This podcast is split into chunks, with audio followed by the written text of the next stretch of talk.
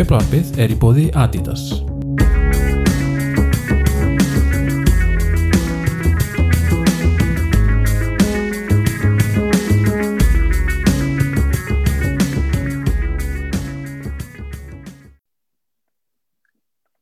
Velkomin í 91. þáttunum Djöflarpinu. Með umræðið efna í þetta kvöldsins er Liverpool og Fulham. Og við erum með skýslu höfunda úr þessum leikjum með okkur. Og við kannski bara byrjum með því að dempa okkur bara í leik, leikingin Leopold hann að Haldur þetta var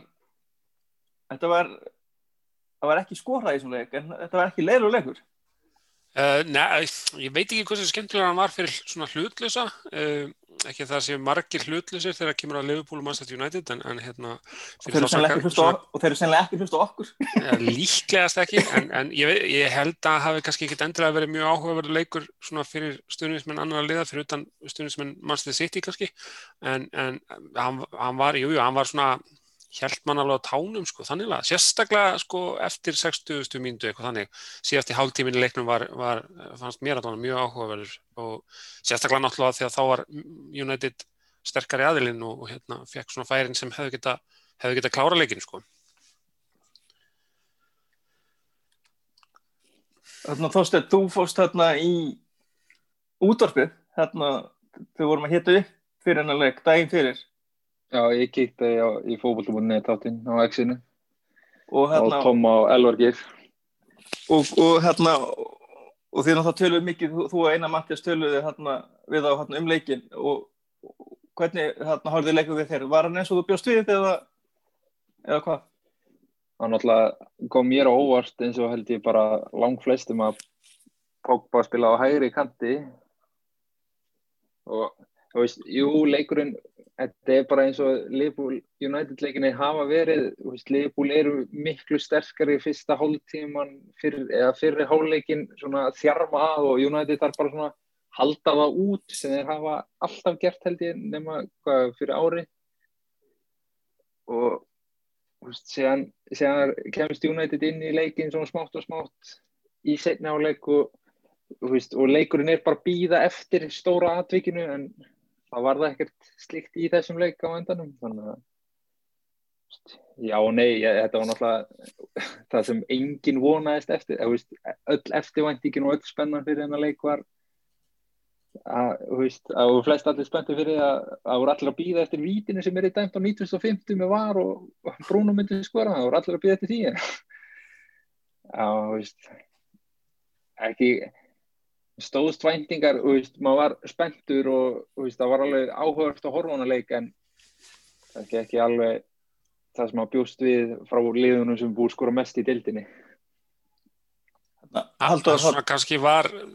svona mögulega við búið að, að Liverpool ætti vandraði með að skora en, en þetta var náttúrulega bæði liðum voru varkára að miklu leiti og maður sá að, að Liverpool síndi United virðingu svona í bland við það að reyna að verja varnalínu sem, sem hérna í hjarta varnalínunar voru bara miðjumenn að þeir voru ekkert að fara ja, mikið fram á uh, báðum bakverðum til dæmis og svona þeir skildu dálítið fleiri eftir heldur en þeir eru kannski vanir bara upp á það geta hérna komið vekk fyrir skindisóknir United. Þannig að þetta var svona og, og samanskapið þá kannski United einmitt líka varkárir og, og, og hérna, mikið að passa upp á svona þessar hættur sem að hefðu getað skapast. Þannig að þetta var svona, þú veist liðin vildu, vildu ekki gefa, gefa svona mikið færi á sér. Það er svo að segja, Leifupúl bar verðingu fyrir United en mér fannst þetta Óli kannski bera of mikla verðingu fyrir hann setur, hann kemur í viðtal eftir leik og segir að ástæðan okkur Pogba spilaði á hægri vagnum var upp á veist, vörn gegn Robertson sem er búið að vera betri bakurinn á þessu tímabili. Alexander Arnold er ekki búið að fuggsinni fiskur af því sem hann hefur verið undanfæri tímabil. En veist, það var meira að reyna að nulla út liðpúl heldur en að veist, já, einbita sér kannski meira af sínu eiginliði eða veist, sóknulega maður sér það líka Já, náttúrulega í þessari stillingu bara að vera með uh, Magfred þarna á miðjunni og Pogba þá í rauninni út á kanti frekar en að hafa hann á miðjunni og, og þá í rauninni meira jafnvægi í svona, svona miðju spilinu að veist hafa hann út á hægri einhvern veginn að dælandi svona lönguboltum og reyna að finna, finna með þannig að það, það hérna það gekk ekkert eins vel veist þannig að það var, það var alveg rosa mikill skortur á einhvern veginn því að, að svona yfirvegun og halda, halda boltanum. Og maður svona fannst, manni fannst sko að því að Solskjaer tala líka eins og fyrir leikinu um, um svona spennustig og koma rétt stemdir inn í leikin og, og allt það. Og, og það var að vissuleiti góð baráta í mönnum og, og flottu varnarleikur og þú veist Liverpool átti ekki margar tilraunir á ramman í öllum leiknum, þú veist þeir áttu 17 marktilraunir á móti 8 en United átti fleiri marktilraunir sem að hitta á ramman sem að segja rosa mikið. Og ég meina þú veist, það var mikið til góður í vörð United að þakka og varna leik í rauninni. En, en að, að samanskapi þá var eins og spennustíð sko fram á við hafi ekki verið í, ekki verið nægilega gott að því að menn voru svolítið svona ja, kannski, eða það er ekki kannski hægt að segja þetta hafi verið panik en það var svona óðagót á mönnum og það var ekki yfirvegun, það var svona spennustíð var kannski ofhátt fram á við en, en mjög vel temprað í varnalegnum, þannig að hérna þú veist, þetta var svona Ég, hef, ég hefði til dæmis viljað sjá veist, að Martial væri bara upp á topp út af mér finnst hann halda boltanum betur heldur en Rashford sem er bakið upp við markið eða hvernig sem það væri. Og Rashford er að mér finnst besti hægri kantmaðurinn í liðinu eins og ég er. Og síðan er Pogba veist, eins og á móti Aston Villa þá var hann að spila þessa stöðu á vinstri vagnum þá gata hann alltaf flætt inn á völlin frekar heldur en hann var hann á hægri kantinum og veist, í féluleik veist, með því að reyna að setja Rashford inn í hvert einu sem skipti sem fekk náttúrulega spoltan en já, ég hefði viljað sjá uppstilling, uppstillinguna þannig með þessa fremstu þrjá sko. Já, já, við höfum í rauninni tvo leiki núna sem við getum talað um Martial á vinstri. Og mér fannst sko hann soldið óheppin í þessum leik á móti lögupóla því að sko þegar hann er tekin af velli sem er aðna bara eftir klukkutíma leik sem að þá reyndar fer leikurinn svona að lifna við daldið fyrir alvöru uh, svona fljóðlega eftir það. En, en hann í rauninni að mér fannst var svona búin að vera einna sko yfirvega af þessu fremsta leikunum sko. Já, hann var ekki kannski, þú veist, ekki beint líklegur og maður svona skilur það kannski þanniglega að síða að, að ég meina, ef að Solskjær horfir á þessa leikmenn sem eru fremst og það ertu með Pogba þarna fyrir aftan og svo ertu með Bruno og Rashford sem eru báðir sko að hafa langa ferilskráða því að hafa stíð upp á augustundu, jafnvel þóttir hafa ekkert endilega verið að eiga sinn besta leik og, og svo ertu með Martial sem er kannski búin að vera pínu off upp á síðkastið. Og skilur maður kannski að þýleiti til að akkur hann valdi Martial til að fara velli fyrir Cavani en, en hérna bara með að við spila með sko fyrsta klukkutímin í þessu leik þá var hann pínu óöfnum fannst mér en, en ekki en, það eins og segir, eins og segir hann, hann Martial var yfirvegaðri það sátt líka veist, Rashford vistist kannski aðeins yfirspendur út að hann átti bara hlaupa alltaf innfyrir það var hann að einhvern veginn inn í segnáleik þá náði hann að komast einn á einn á Fabinho og ætlaði bara að stinga hann af. Fabinho er alveg fljótur og, veist, og það endaði með hann hljóp veist, með hann bara eitthvað út og, og sóknir rann út í sandin já, já, það er alltaf að gera svo mikið sko. Já, ég held að sko það voru allir að öskra á Rashford þar að gefa stingunum inn, inn á Cavani en ég held að hann hafi mögulega ætlað að nota Cavani plöpi sem eitthvað svona díkói og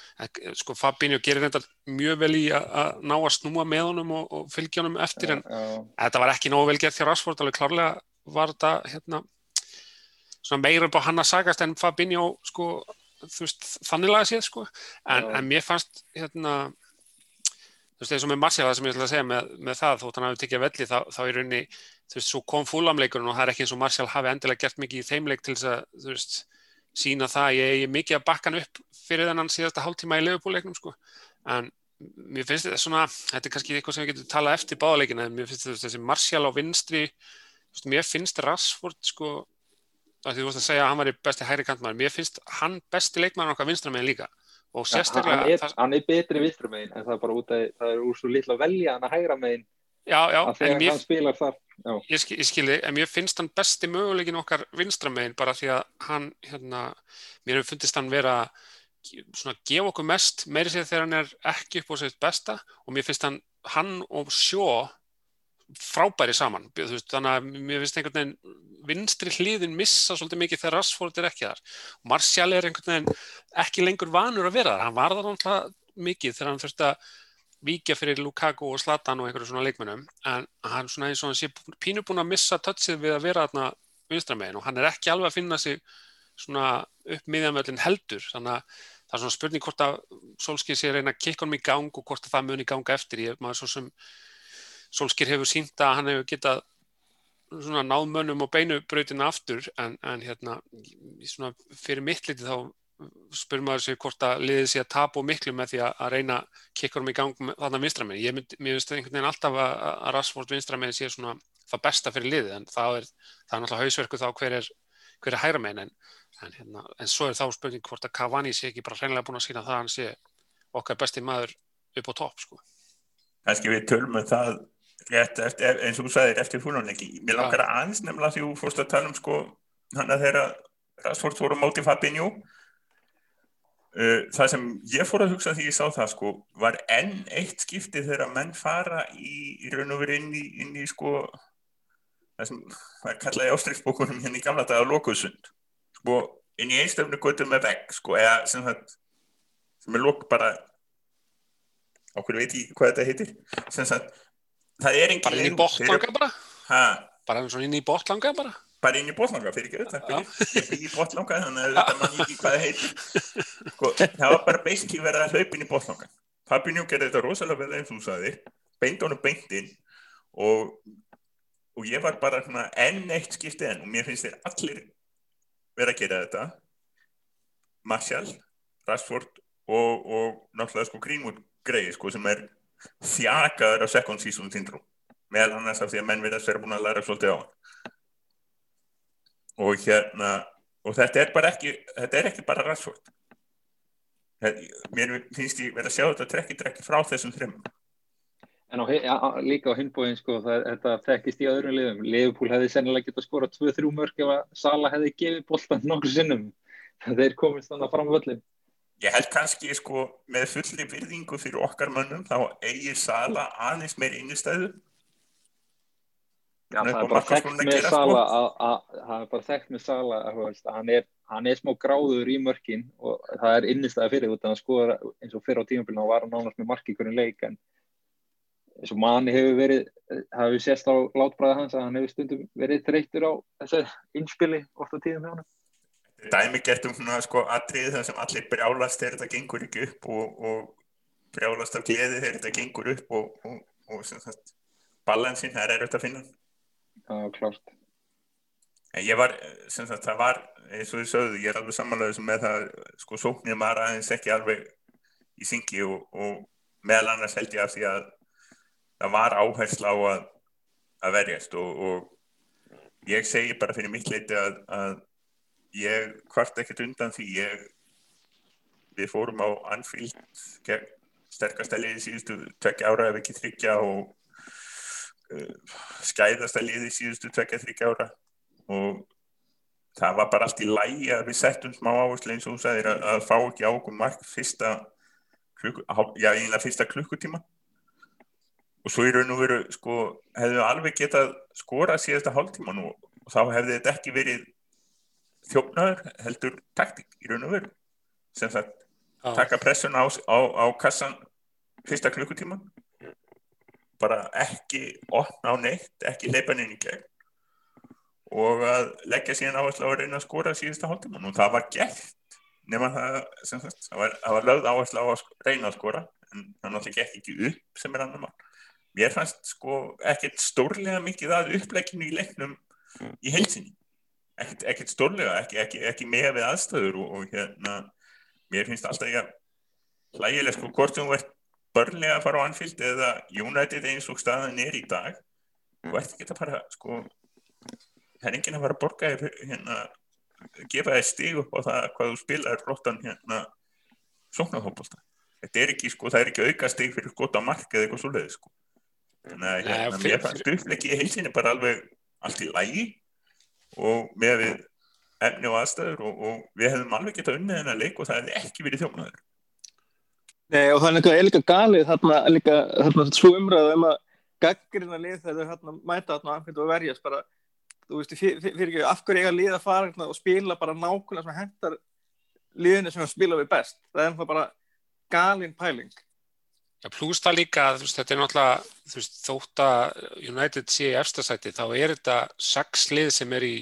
ansi þjættri baráttu um í rauninni fjögur sæti, þannig að veist, það að, að passa það bara, að tryggja það að, að eitt lið nái sér ekki, er, það er alveg valjú í því, þótt við náttúrulega viljum að liði haldi áfram í toppbaráttunni, ekki, sé ekki fókusera bara eitthvað á topp fjóra, að þá samt, þú veist, má ekki fara alveg fram úr sér og ég meina, Jújú, það er margir sem tala um eitthvað svona glata tækifæri eða þetta hafi verið besti sjensin. Ég er ekkert alveg á því að því að þú veist ef að United er í þessari uppbyggingu sem við viljum svona trúa að sé þá, hérna, þá koma fleiri tækifæri til að fara á Anfield og, og reyna þá að spila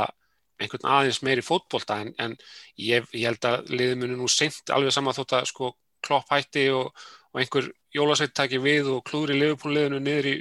miðjumóð að þá mun samt einhvern veginn ekki United þú veist, fara á Anfield með það í huga að ætla bara einhvern veginn að, að þú veist, yfirspila Liverpool í einhverju svona þú veist, það þarf alltaf að taka þetta alveglega þú veist, það er eiginlega það sem ég er að tala, tala um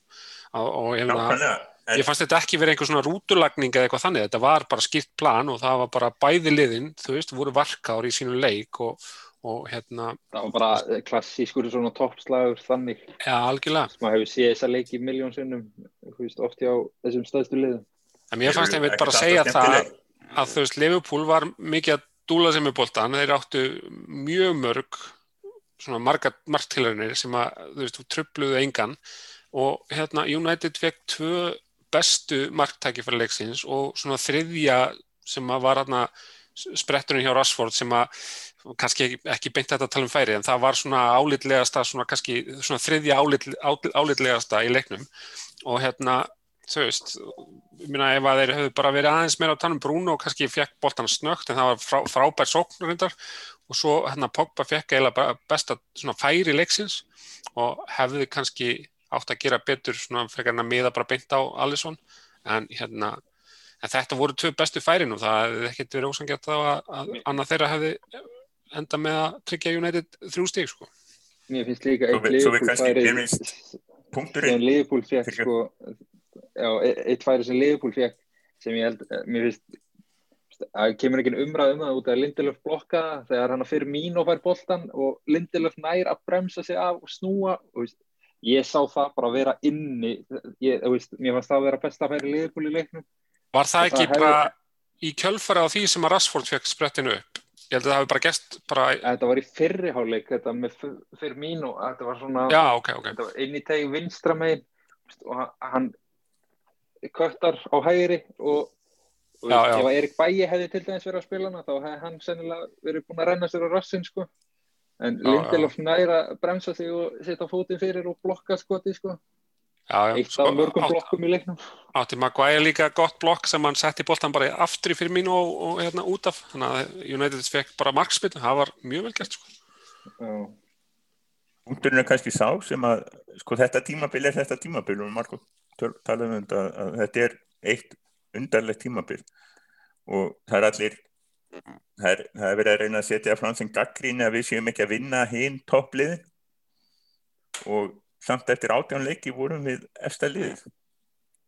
Menna veist, þetta, þetta er hérna uh, aðeins öðruvísi núna því að þetta eru náttúrulega fleiri lið en þetta minnum alltaf í gamla dag sko, ef ég var ungur ég er í áttunni að hérna United vann alltaf Liverpool. Bara dögði ekki neitt. Liverpool vann öll hinn liði liðin. Sem er top 6 núna skilur við erum búin að við unnum Everton, við töfum mútið Tottenham jafntöflum mútið Liverpool, jafntöflum mútið Leicester, jafntöflum mútið City. Töfum fyrir Arsenal sem er ekki top 6 binnis en. En, veist, en hérna við höfum tekið sko gegn traditional top 6 þá er ekkert gengið rosalega. Umminni alla hinna nema Crystal Palace í fyrsta leik þannig að það er það sem það snýst um sko, eins og þú sagði ekki að missa liðin fram á okkur, taka stígin af þeim gera stórm, ekki stórmestari jæftabli en hérna gera jæftabli passa þau að fá ekki sagt, að tapa ekki sextegaliknum vinna svo all innlið. Þannig verður meistari í, í jafnri deilt ekki sko einhverju Liverpool vinnur alla deild en í jafnri deild þá er þetta leiðin til að vera mistari ekki það að við séum að fara að vera mistaravenn sem að sýst ég verið mistari og ég segi það áfram. Það er gaman að hýra einhverju ósamálum mér það er bara, bara allt í fína en, en hérna ég ætla ekki að fá ætla ekki að lefa mér bjart sín alveg strax en þetta er bara þannig verður og í þessari deild þá er það það verður einhvern veginn þannig. Ef þú tapar ekki gegn toppliðum og vinnur hinn þá er það góð leið að til hvort sem hún nægir eða ekki. Alveg 100% en hérna ég verður vikna að þú tala hérna um hérna þess að um Lindelöf hérna, ég, hérna, ég, ég var pingu hissa þegar að- þegar byrjunlega var kynnt og hann var hérna þar í stafnir bæði þegar bæði hefur verið að spila mjög vel fyrir United. En þessi vörðnin það, það er ekki að taka neitt út nema kannski helst Luke Shaw. Ég, ég var hérna bara, svona, bara, bara spurning á línu var þetta besti leikur Luke Shaw fyrir, hérna, fyrir United allavega varnarlega þá er þetta besti leikur Shaw fyrir- United en var varnarlínan í heild þessi fjórir, mér varst þeir bara fríkala upplöður í þessum leik út að Fred og McTominay voru ekki alveg sami varnarskjöldurinn og þeir hafa náð að vera á þessu tímabili. Sá einhverja statik með það að eftir 80 mítur var búið sko fara framhjá, þú veist, dribla framhjá Fred 7 eða 8 sinnum í leiknum þá var Shaqiri mjög stór þáttur í því og Tiago fór líka nokkur sinnum illa með hann. Þannig að þá náður kannski að komast inn fyrir þá tvo og þá stóðu hinn í sína plikt og voru bara hrikalega góður og Shaw fremstur í flokki. Og, Vambi Saka var kannski sístur en það var kannski út að það var ekki sótt eins mikið hans megin. Og það var líka eins og ég sá umræð um og það var einni svo það sem veist, það var búið að líða á leikin þá var Sala mættur á móti sjó og í staðis að reyna að fara á hann þá bara út að að hann var bara ekki búin að geta það þá bara snýra við og sendi tilbaka í staðis að í svona frekar upplöðu færi á að keira á hann þá hætti hann við En hérna, Haldur, á maður að hafa áhugjur af Bruno? Er, er, komin, er eitthvað komin þreita hjá honum eða hvað heldur þessi í gangi? Nei, nei, ég maður nú ekki að hafa ágjur á hann, hann var ferskari strax í leikum eftir. Ég held að þetta sé svona, veist, ég meina að það var að tala með hann sé að hverfi í stóluleikinum, ég held að það sé ekki endilega bara eitthvað upp á hann að klaga með það, því að náttúrulega liðið spilar allt öðru í sengt meina móti, móti stóluleikunum, en, það er svona búið að vera eitthvað í síðustu leikjum og, hérna, mér fannst hann alveg hressara í síðan í, í, í fúlafleiknum, sko, og hérna, Þannig að ég, nei, nei, mér finnst óþarfi að fara eitthvað að panika strax en, en, hérna, en það megi alveg aðrir fara að stígu upp og þetta er svona, þú veist, manni finnst ansi margir þarna fram á við eiga daldið inn í, sérstaklega með við síðustu leiki og það er náttúrulega bara ennþá frábærar að vera, þú veist, efsta liði í deildinni með það, þá tilfinningu að manni finnist leikmenn eiga inn í, sko. Þannig að Bruno var náttúrulega ekkert það langt frá því að vera munurinn á milli liðana, veist, hann skýtur úr aukaspinuna rétt framhjá og sem fær hann að dauða færi þegar Luke Shaw kemur hann fyrir og hann nær bara stýr honum á marki en það eru, já, eru komin hann að þrý liðbúlmenn á línun og Alisson, þannig að eina leiðin til þess að skora þannig að var að koma honum sparka upp í það netið eða eitthvað slíkt, en þú veist, ef, ef að eitt af þessu hefði farið inn þá væri umræðan náttúrulega önnur um hann í þessum leik. Það er, það er alltaf, það er alltaf hannig, þú veist, ef þú skorar eitthvað þá, þá eh, gleymist vola mikið allt hitt, sko. Já, En þarna, en þarna held, haldið að, að það hefði verið betra taktísk hérna hérna hálfleiknum að að vera ekki með Pogba hérna út í hægra megin en þarna, en þú segir það, þarna var ekki svo mikið vinstur menn, það er kannski spurning að, Pogba hægra megin hefur hérna bara virkað upp á það að það þarna, Európa sem var ekki komast mikið upp. Já, En haldið þarna svona sóknarlega séð, haldið að það hefði verið betri pæling að vera með eitthvað sem hefði getað spilað þarna út í hægra bein og þau hugsið svona alveg hægri kantmann. Þú veist, við tala um að það vanti, en er það ekki mitt í svona leik þar sem hefði getað þá verið með rassvöld út í vinstra bein, eitthvað annað þarna hægra bein alveg úti og tegja svolítið á vördinni hjá, þú veist, þeir eru ekki með miðverði og eru bara með, með, eru þarna með miðmenn þarna með miðinni og, og, og raunir bara eitt bakur sem er, er í svona, er ba alvöru bakurur haldið að það hefði geta búið til ennþá fleiri færi. Bjössi? Sko ef við værum með hægri kantmann þá er þetta valið spurning. En bara við erum ekki með hægri kantmann þannig að mér finnst eiginlega sko það skiptir einhver rosalega miklu máli hver er hann að þannig að það er ekki að fara að breyta neitt rosalega miklu. Sko það er bara þannig. Pogba var út í hægra megin og út í fúlum var það ekki, er ég örugla? Nei, Nei, það er Greenwood? Og þeir voru miklu betur Pog- Pogba var hægra bara- megin á, á vellinum dálítið Já. mikið. Og hjálpaði sko en, en hann var ekki hægri kantur en hann var hægra megin. Og hérna það hjálpaði svolítið en, en það bara vantar ja, þetta er bara svo staða sko við erum með slarkfæra við viljum, við vitum alveg hvað við erum styrkja miðvörð, miðmann og, og hérna hægri bak en við erum með slarkfæra leikmenn í þá stöður og vel það. Eh, við erum bara ekki með hægri kant. Það, það, er, nefnilega, má- það skiptir einu máli hvernig við spilum hvort við spilum með Greenwood þarna úti sem að eins og ég sagði áðan sko, er, í, er í second season syndrome hvort við erum með Rashford sem er kannski eins og þú sagðir skásti kostunum þann úti að hæra megin. En þú veist nema hérna Amadiala sé sko kraftaverka bara Já, það er Já, alltaf Solskjær tala þannig um hann eins og sé bara já, ég, er nú ekki- að sé bara að fann sé- ekki lið já, já, þetta í hóp sko, þetta í hóp. Ég meina, hann En að- talaði ekki svona, hann talaði ekki svona um Pellistri, hann er ekki mikið að Nei, Hæpa nei, upp alls ekki, leikmenn alls óþarfa. ekki, alls ekki. En hérna, en það er, sko eins og ég segi, þegar þú ert ekki með einhvern sem er, ger, gerir kraft mikið tilkall til hæri kantins, þá er svo sem ekki æðislega mikið afreika að hæri kantur fái smá séns á betnum. Sjáum til, sjáum til. En þangað til, uh, valið spurning vegna þess að hæri kantin hjá okkur opbóðslega veikur og það væri rosalega flott að, að styrkja hann, en hvernig það nákvæmlega er gert með þeim, leik, þeim leikmennum sem höfum núna, uh, held ég bara skiptir hérna ekki máli hvað sé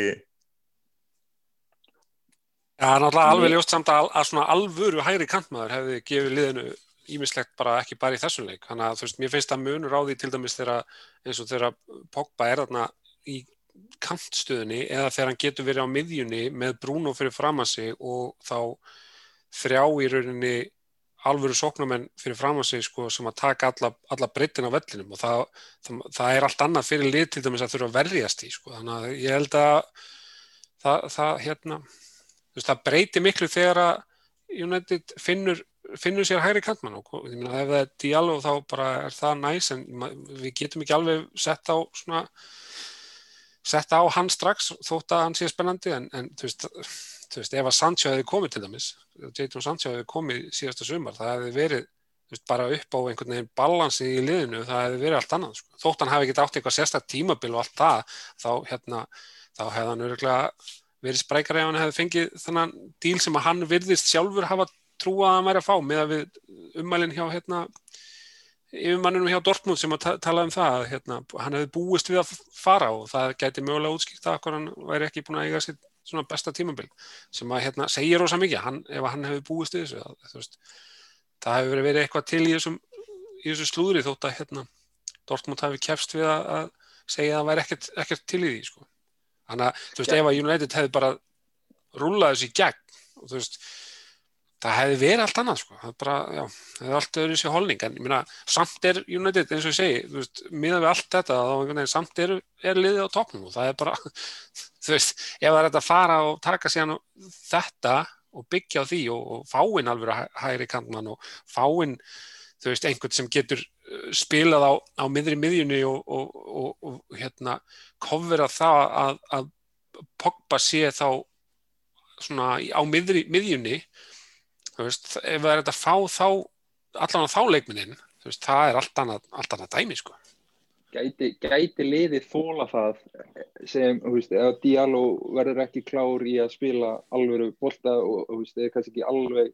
tilbúin í hennar standart á næsta tíumbili og aðri leikmenn sem spila hægri kantinn skáni ekkert þólir liðið annað tímabil án hægri kantmann, þú veist, er, það, umræðan er það er eiginlega meiri umræða að fylla aðra stöður á vellinum hjá United þótt að þessi staða öskri hvað mest á nýjan leikmann. Þóli liðið annar tímabil svona? Áhugaverð spurning og fer eftir hinum liðunum myndi ég halda. Ég held að við eigum áfram að halda áfram að tala eins og Tóri núna og ég áður og þið áður. Hvað, sko, nefnist, hvað hérna úslitin þetta tímabil lofa góðu ef við getum styrt okkur en hérna en, en, en það hefur einhvern veginn, ég er alveg samanlega það hefur einhvern veginn farið meiri kraftur í miðjumar, miðvörður hæri bakvörður, heldur en hæri kantur sem er veistu Kannski- að ég, ég held að og- gæti verið til dæmis sterkur miðjumadur ef það kæmin eitthvað, sko, nú, tölum núna um einhvern skona rísa, heimsklassa ef við tækjum heims, ein, heimsklassa leikmann í einhverja stöðu sem að við tækjum sem sagt miðjumann, stjórnandi afturlíkjandi miðjumann sem geti skrína vörnina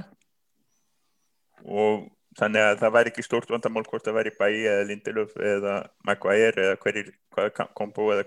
hverjir sko. Ef við nei ég veit það ekki. Vistu, ég, ég, ég, ég gerð hérna hljópi í blindgötuna og, og botlangan ég, ég ætla að vera eitthvað ógeðslega sniðu með þetta. Nei veistu að ég held að við þurfum hæri kann hvort sem hann heitir Amadíalo eða eitthvað. Kannski er þetta bara eins og þegar hérna var alltaf talað um að Manchester United væri svona eins og kleinurringur að vantaði miðjuna, það var alveg í nokkur ár. Kannski er þetta bara svona þegar menn venjast því að þetta sé bara eitthvað sem vantar þá verður þetta ekki eins mikill forgangur því að þú veist, svona er þetta bara búið að vera og einhvern veginn búið að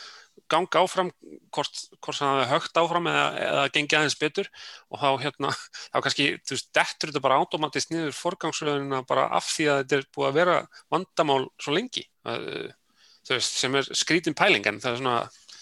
þú veist, maður skilur eiginlega bara ekki okkur að það var ekki bara farið í það hérna, að klára þetta þú veist. er það þá þannig að við sjáum hvað sko vantar þegar við sjáum Fred eða McTominay eða Matit spila aftast á miðinu við sjáum hvað vantar ekkert rosalega mikið upp á vegna þess að þeir hafa allir sína hæfileika þannig að þeir eitt spilar þá sjáum við hvað vantar frá hínum og svo framvegs en hægri kanturinn hann er bara ekki að gera sko sem er. Það er enginn þar sem sko það er ekki eins og að sé einhver þar alltaf sem er svo augljóslega slagur eins og til dæmis ef að David, David James Dan James, sorry ef að Daniel James væri alltaf úti á hæri kantinum, aðeins betur en er núna sem sagt, en ætti stöðuna og væri alltaf sko næstum því nógu góður þá erum við að byggja um upgrade þar. Já, við erum bara orðin- orðnir svo vanir því að sjá bara einhverja Juan Mata og einhverja svona Jesse Lingard og þú veist, það er verið að henda einhverjum þarna sem að, þú veist, eru ekki hægri kantmenn er, líka, líka bara er- eins og við tölum um að, Rashford, að láta, þú veist, við þvingum Rashford til þess að spila þannig út að hann er besti kosturinn okkar þa- eða skásti kosturinn okkar þannig en veist, ég held með Sancho dýllinn fór þannig í klósetið en ég held að Dortmund verði alveg klárir í að láta hann fara næsta sumar og þá sennilega fyrir einhverja minni peninga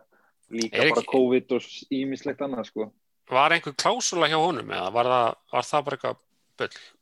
ég held ekki, já, já. Maður veit náttúrulega aldrei með Dortmund og alla ungu leikmennar sem þeir fá, það eru alltaf einhver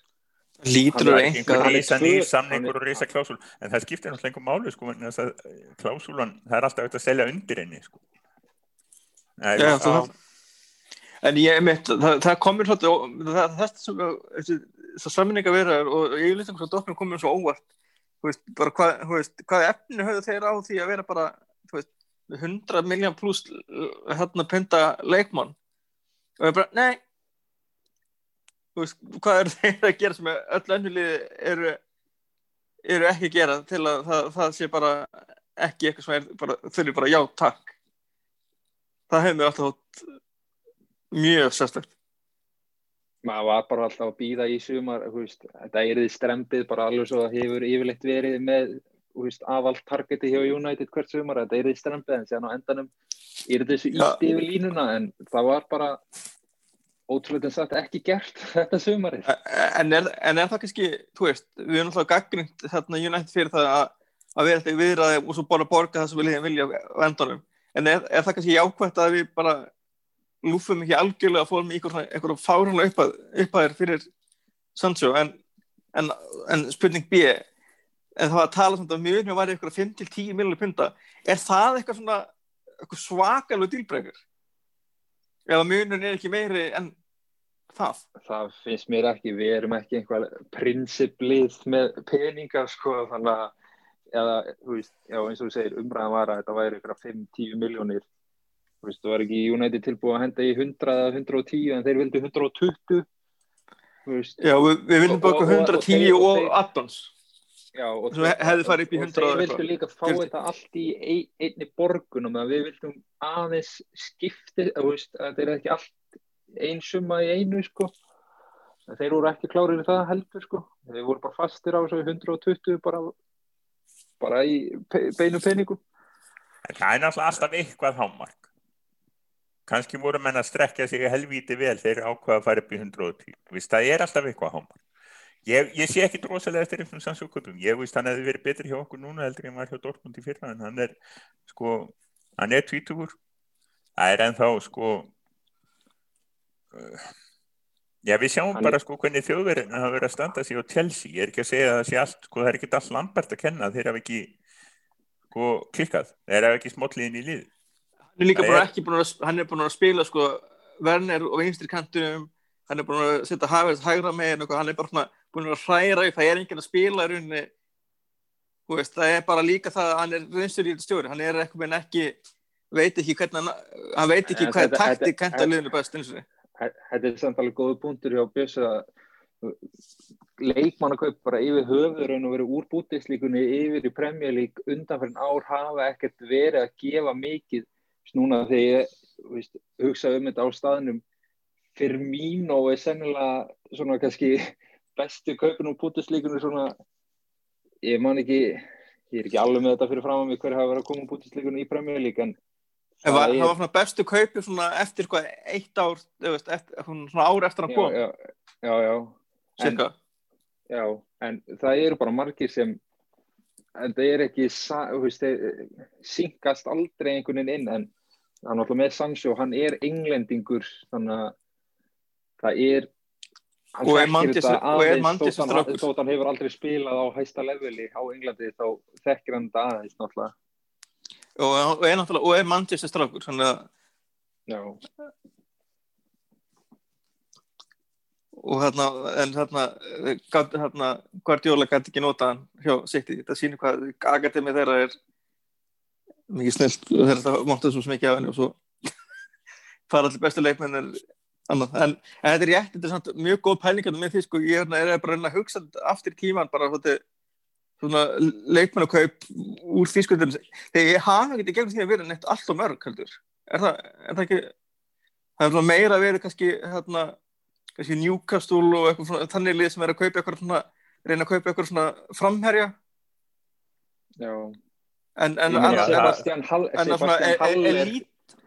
þessi elít kaup sko já hann kostiði 40 miljónir eh, hann kostiði alveg mikla peninga fyrir Vestham og hann Já. var markæsti leikmaður Hoffenheim og núna eru þeir búin að selja hann í janúar klukka til Ajax skilur við það, Já, fyrir... er Já. Já þetta er ekki það, það verðist vera einhvað til dæmis eins og leikmann að kaupa United margi leikmann sem United hefur að kaupa síðastliðin ár eru með einhver grunn úr portugalsku deildinni til dæmis og sitt í dækist líka dætt inn á þann marka þannig að að verðist vera veist, samband á milli hvar þú kaupir leikmenn sko hvort að Svo líka áhugaverð sko þeir þjóðverðar sem hafa komið og staðið sér vel þær, þeir á kannski verið að spila annars þar Þú veist eins og hérna náttúrulega Ösil á hann gafst upp og, og svona sko. Hver eru bestu þjóðurinn sem hafa spilað í Premier League? Er það ekki bara Michael Ballack og Özil og húst upp á sitt besta? Rúdikir er að skila sínu og hann var hjá Róma. Já, Já. Hann kom frá Róma sko. Þannig að víst Rúdikir var samt betri en mörgum Chelsea sem voru, voru betri í fyrra. Já, já, já ég meina tölum kannski ekki í ára en ég meina hann hefur alveg skilað sínu þannig sér þannig að hann kom frá Róma þannig að hann hafi spilað á náttúrulega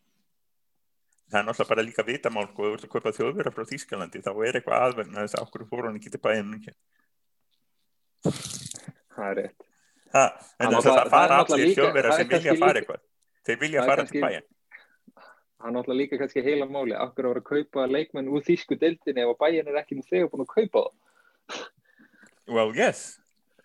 og ef þú ert líka- að kaupa frá bæin þá er, þá er sá leikmenn sennilega útbrunni Já, af hverju er þeir að selja? og sér líka bara hvað leikmenn eru orðaði frá þeim núna, og, og bara undanfæra á alltaf Boateng og núna Alaba og svona,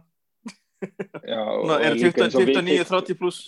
Thomas Müller við fengum Svænstekar og hann gæti ekki neitt þú veist, var bæin að losa minnast út að sko engin ekki opna sár. Viltu ekki opna sár hérna? Þetta er byrjað að róa Er- er hérna Snæderlin og, og Svenstakir með? Hann snædilinn má alveg veiga sig en, en þú, þú talar ekki um sænstakar í mín eyru það er bara er of erfitt. Hérna eh, talandi um það í dag og lísti bærin minn hérna því yfir að þeir hefðu áhuga á því að kaupa appa með kanó þá veitum við hvernig það fyrir Þó Já, hann sé en er frakki- hann ekki, þó hann hann sé er þó hann er frakki já en ég menna ég segi það sko. Hann er búin að vera þannig í Þýskalandi þannig að hann er bara öruglega orðin að að Þýskalandi fer- fer til hversu sáttar hann er við þarna, að vera þarna áfram í Þísklandi ég meina þetta er bara það fer- þú veist, annarkvort ferður til bæinn minn hérna þú ert að spyrja það okkur, þú ert ekki til bæinn minn Já, en, ég en að fá- það því að heitir Jadon Sancho og ert breyti það er náttúrulega svo við förum aftur og byrjunar byrjunari þá er það ég meina það sko, er annar breyti hjá Dortmund Bellingham þú veist, verður ekki tímaspur þú veist, hann er átjónara þegar hann verður kannski 20-21 árs er það ekki bara tímaspursmál hvenar þú veist Chelsea, uh, City eða Tottenham eða við eða einhverju kaupan þú veist, ef, ef hann stendur sér þokkalega, annars endar hann bara þú veist, í vestam eða eitthvað. Ef hann hann verður ekkert í búttislíkunni til hann verður 34 ára sko. Nei, það held ég alveg öruglega ekki en hérna, góða En- pælingar en en hvað segir, hvað segir, ef að dempa okkur í leik 2 hvernig væri það? eru þarna, þú veist, þú varst á vakt í Já. gerkvöldi Yes. og hérna svona, maður farið bara aðeins yfir hérna, hérna leik hérna, þetta var hann bauði upp á alls konar Já, hann alltaf ólíkunar stilti upp frekar bara mjög sterku liði og staldið sóttjörfu. Hann var með Pogba og síðan Fred á miðinni sem, og Pogba í svona smá frjálsri rullu. En veist, það var greinlegt að veist, hann ætlar að vera með í þessari titil bara, veist, ma- maður hefði alveg getað séð eins og fyrir leikin ég talaði um í skýslu uppbytuninni með guðluspjöldin að Bruno Sjó og Harry Maguire væri alveg á grensunni og líka eins og við vorum að tala um Bruno búin að vera kannski svona aðeins dauðvari held hann hefur verið og með þetta guðlaspjald og þetta var síðasti leikurinn sem ef þú myndir fá guldspjald og fimm guldspjald þá væri þú komið í leikmann að hvort hann myndi fá kvildina í þessum leik en Óli Gunnar metur það bara sem svo að hann hefur ekki efna á því að vera að kvíla bestu mennina sína ef hann ætlar að vera með alveg fram á voru honu langar það og öllu langar það náttúrulega þá hefur hann ekki efna því og en við byrjum náttúrulega bara hræðilega eins og við höfum oft gert á þessi tímabili þá sérstaklega út í öllum. Og marka okkur hann eftir fimm mínutur og hann fyrir saka alveg svoandi þegar boltin er ekki alveg fyrir framann hann eða maðurinn sem er að keira á hann er ekki með boltan enginn til að rennitækla og gerir Lúkmann rétt staðan, rétt svo. En hann bara, hann stendur veist, ef þú ert bakurur þá átt að standa í línu við miðvörðin hliðin á þér eða aðeins framar enn miðvörðin og það er miðvörðin stýra línunni hvar, þú- hvar línan er. En síðan eftir það þá þeir voru alveg nokkuð sprækir fúlam en síðan beigð maður bara eftir að við myndum skora og við við hefum náttúrulega átt að fá vítið hann Fred er feldur síðan Brúnur skýtur í stöng og nokkrum sekundur senna vinnum hann út á kanti og hann bópa fyrir og Cavani skorar og eftir það þá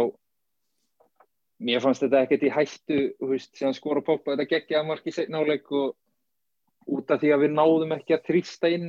næsta marki, veist, Cavani hefði getað skorað strax á eftir hann þegar Pogba skoraði og fekk hann mjög gott skallafæri en út af þetta var bara einsmarkmunur þegar það var hann að tímítur eftir þá myndaðist pressa á okkur við stóðum eins og við stóðum pressuna á mútið liðfól varnalega Bjössi, þú varst með, hérna, varst með eitthvað hot take eftir að leik, hérna, þið haldur hérna að gefa ykkur smá, svona tækifæri til að taka smá létta raugræði. Harry Maguire.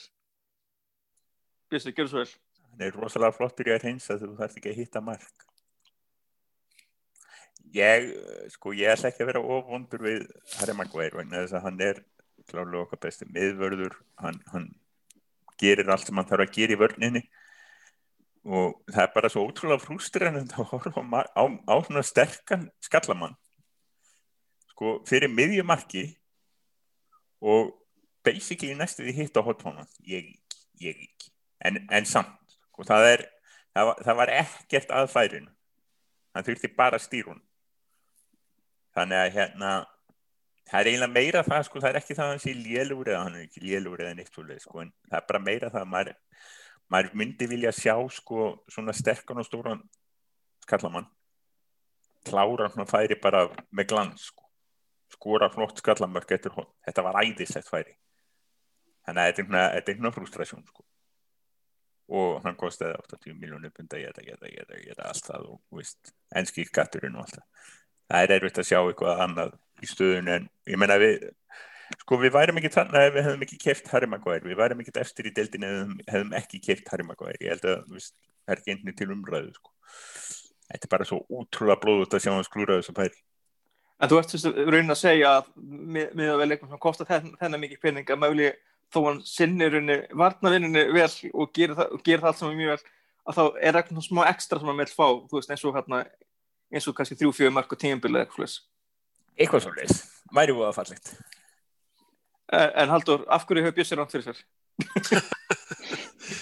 Ég finnst nú bara að Bjössi ekkert hafa rámt fyrir sér sko. ég, ég er nefnilega, þú veist það er svona kannski helst að er að þú veist það er ekkert Harry Maguire að hérna, kenna hvað hann kostaði. Og ég meina augljóslega fyrst hann er orðin fyrirliða liðsins og ekki, ekki skemmri tíma þá hefur hann eitthvað meira heldur en bara knaspun og hæfileikana inn í þetta lið og inn í hennan hóp og ég meina þetta er bara spurningum það stundum sko, þú veist ég meina, það var svona sagt sko að, þú veist, eins og Mourinho hafi talað um það, hann hafi viljað fá Maguire en hafi ráðulegt United að borga ekki meir en 50 miljónur fyrir hann og ég meina, Harry Maguire á 50 miljónur hljómar bara eins og mjög fín dýll en ef að Lester vill ekkert selja hann á 50 miljónur, hvað áttu þá að gera? Þú veist, áttu bara að kaupa einhvern í staðin eða viltu fá alvöru liðtóa inn, inn í miðavörnina sem getur komið og, og hérna bætt leikliðsins eins og, eins og við sjáum hann hefur gert. Og ég meina þá, þá bara stundu þarf það að borga of mikið fyrir leikmenn og það, þú veist stundu þarf, það bara að borga of, of oft ákkurat of lítið. Sko að 20-30 miljón pundar hafsendanir vonarpenningarnir þeir hafðu bara ekki sko stíðu þeir eru allt í lagi svona þannig séð en er ekki er ekki nógu góður ekki, ekki nógu frábæri skulum vorða þurfti bara að borga. Þú ert að tala um bæi og lindar þegar hvorum sig sko hafa kosti.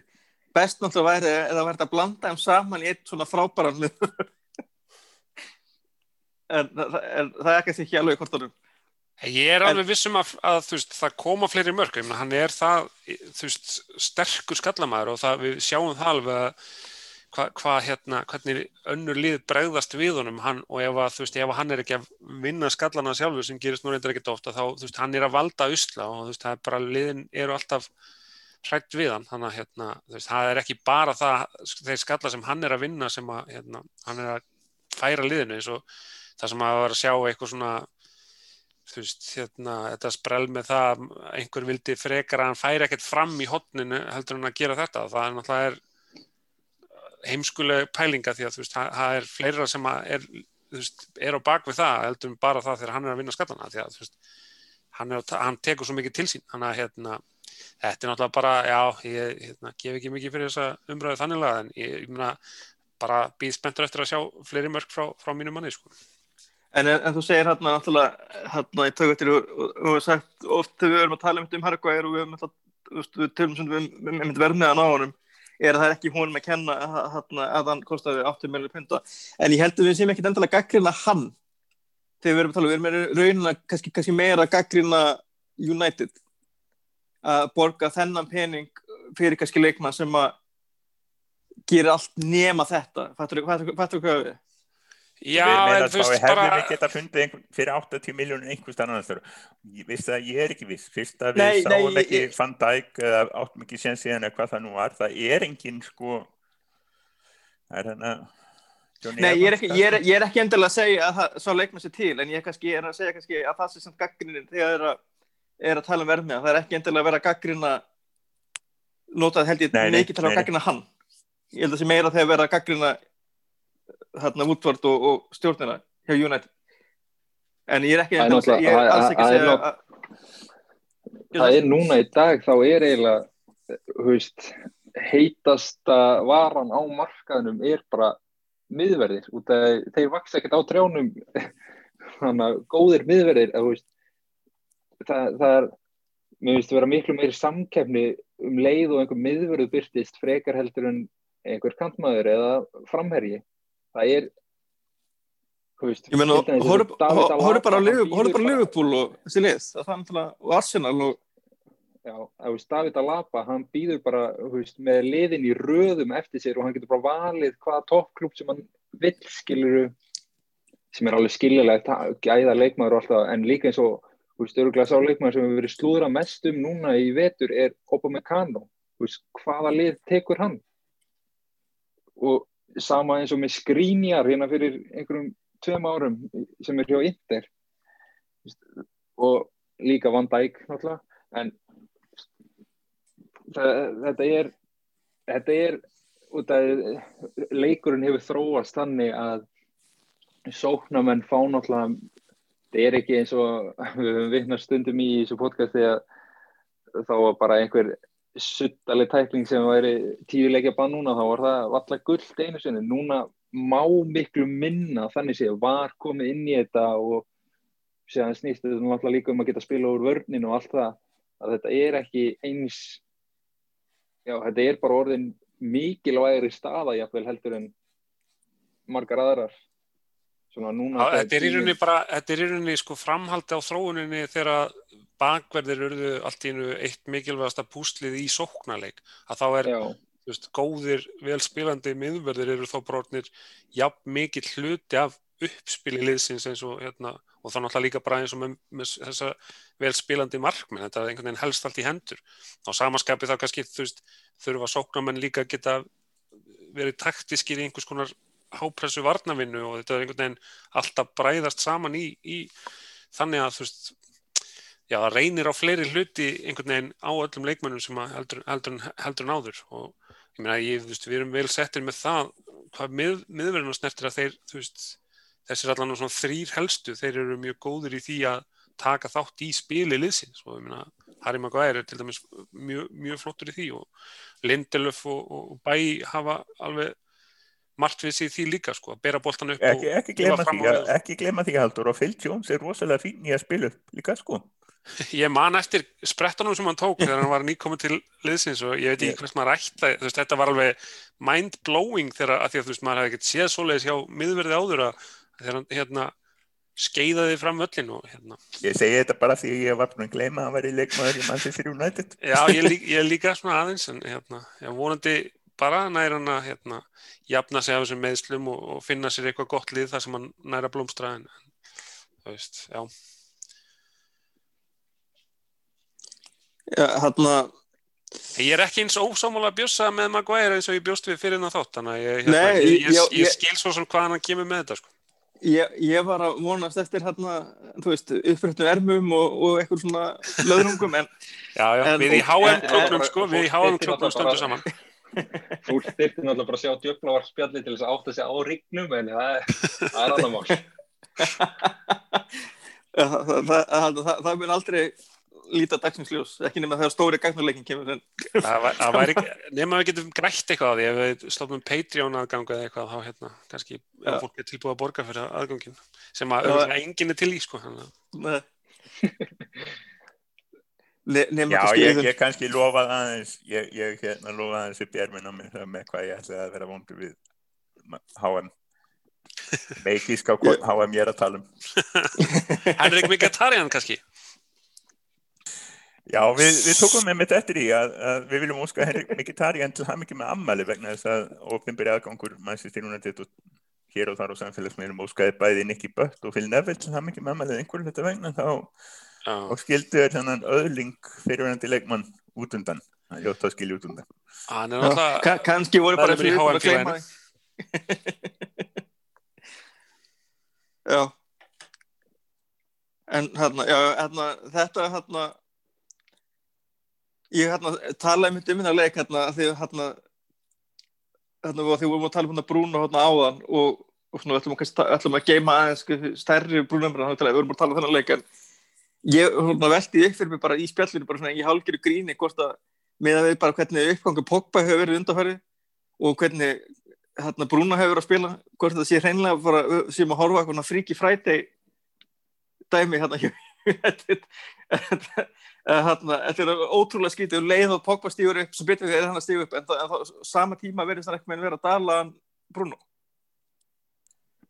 ef ég má. Gjör það svo uh, ég er ekki alveg ósamála ég held hins vegar að það sem er að gerast er það að United er loksins að spila vel. Þetta er búið að vera að ganga á Twitter þetta er ekki orginal frá mér þannig séð en maður tekur eftir þessu. Sko, við erum búin að tala um þetta við erum talað um þetta sambandi við það hvernig hann er hjá Frakland og svona uh, Pogba ber ekki upp lið. Pogba getur ekki borið upp lið sem víst, hann er ekki herðar í það. Ef hann hins vegar er í góðu liði þá er hann drullu góður. Og hann er bara núna í fyrsta skipti í dálítið langan tíma komin í gott lið í félagslið. Þannig að þegar að sko það eru menn í kringum hann mann treystir og sem maður getur spilað með. Og ég vil benda á sko